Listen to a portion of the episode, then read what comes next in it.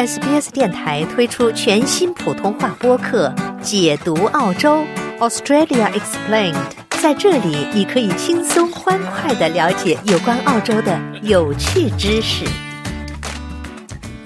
悉尼正在为今年的同性恋狂欢节游行做准备。人们忙着在市中心的工作坊制作花车和服装，以让狂欢节充满亮点。不过，今年庆祝活动的道路上也出现了一些问题。下面请听报道：悉尼同性恋狂欢节的前身是一九七八年六月的一次抗议游行，导致数十人被捕，警察使用了暴力。现在这是一个为期十七天的节日，以游行将其推向高潮。澳大利亚民主博物馆表示。悉尼同性恋狂欢节每年为该市经济贡献三千万澳元。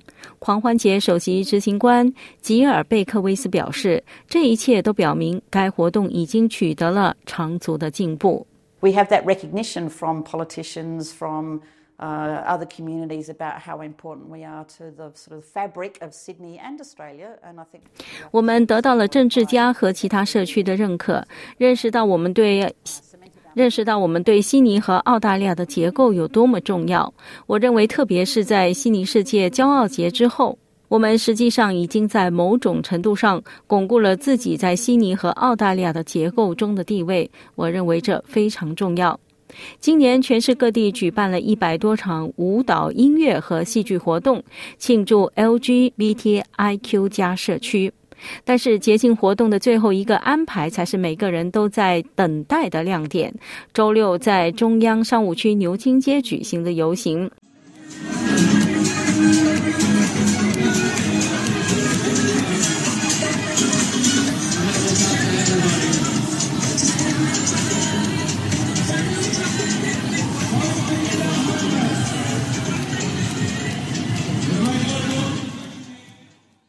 组织者预计将有两百辆节日花车、一万两千名游行者和二十五万名观众。来自成熟老年同性恋者团体、澳大利亚彩虹兽医队、跨性别青年平等父母组织，请不要忘记我们的无家可归者群体以及许多其他团体。社区的花车游行反映了 LGBTIQ 加人群的多元化。每年一度的传统是由所谓的 Dice on Bikes 这个组织拉开了游行的序幕，从市中心的海德公园骑行到摩尔公园。为了在游行之夜展现出无穷的魅力和繁华，狂欢节工作室需要完成大量的幕后工作。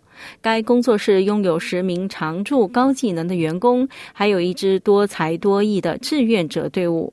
过去的九年里，利兹·卡特一直管理着这个热闹的活动。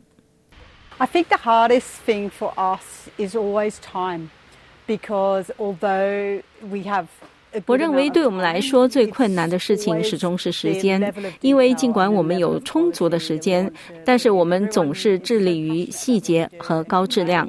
每个人都对我们所做的事情和传达的信息充满热情，这对我们来说非常重要。这不仅仅是一次庆祝活动，而是我们向人们和周围的世界传达的信息。因此，以最佳质量定义该信息非常重要。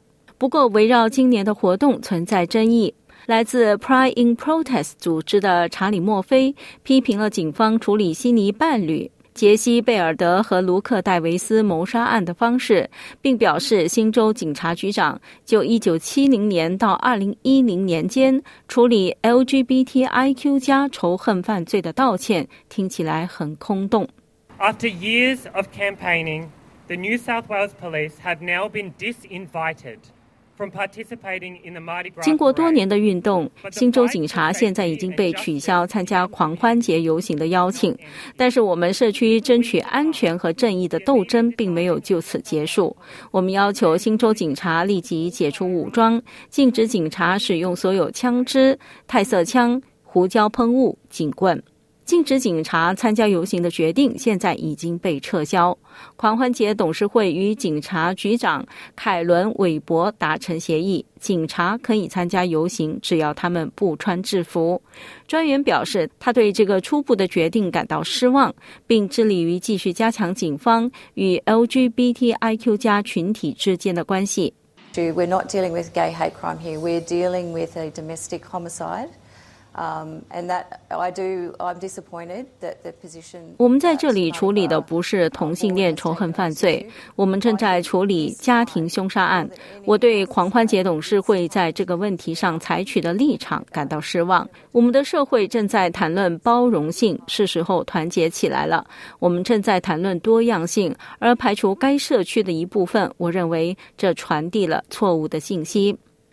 倡导者表示，过去的五十年来，从非刑事化、反歧视法、跨性别法律承认、废除兵役禁令、议会代表权、收养权和同性婚姻合法化方面，都取得了很大进展。吉尔贝克威斯表示，他们每天在争取平权的道路上还是充满了艰辛。悉尼狂欢节对于 LGBTIQ 加群体来说，仍然是一个相关而且有力的年度声明。For us, it's really important to provide that messaging to people that we're here. We're 对我们来说，向人们传达我们在这里的信息非常重要。我们没有什么不同，我们像其他人一样爱我们生活，我们哭，我们笑，但是我们只是想被庆祝和拥抱，并接受我们是谁。这真的非常非常重要。想听到更多这样的故事吗？您可以通过苹果播客、谷歌播客、Spotify，或者您喜爱的方式下载收听。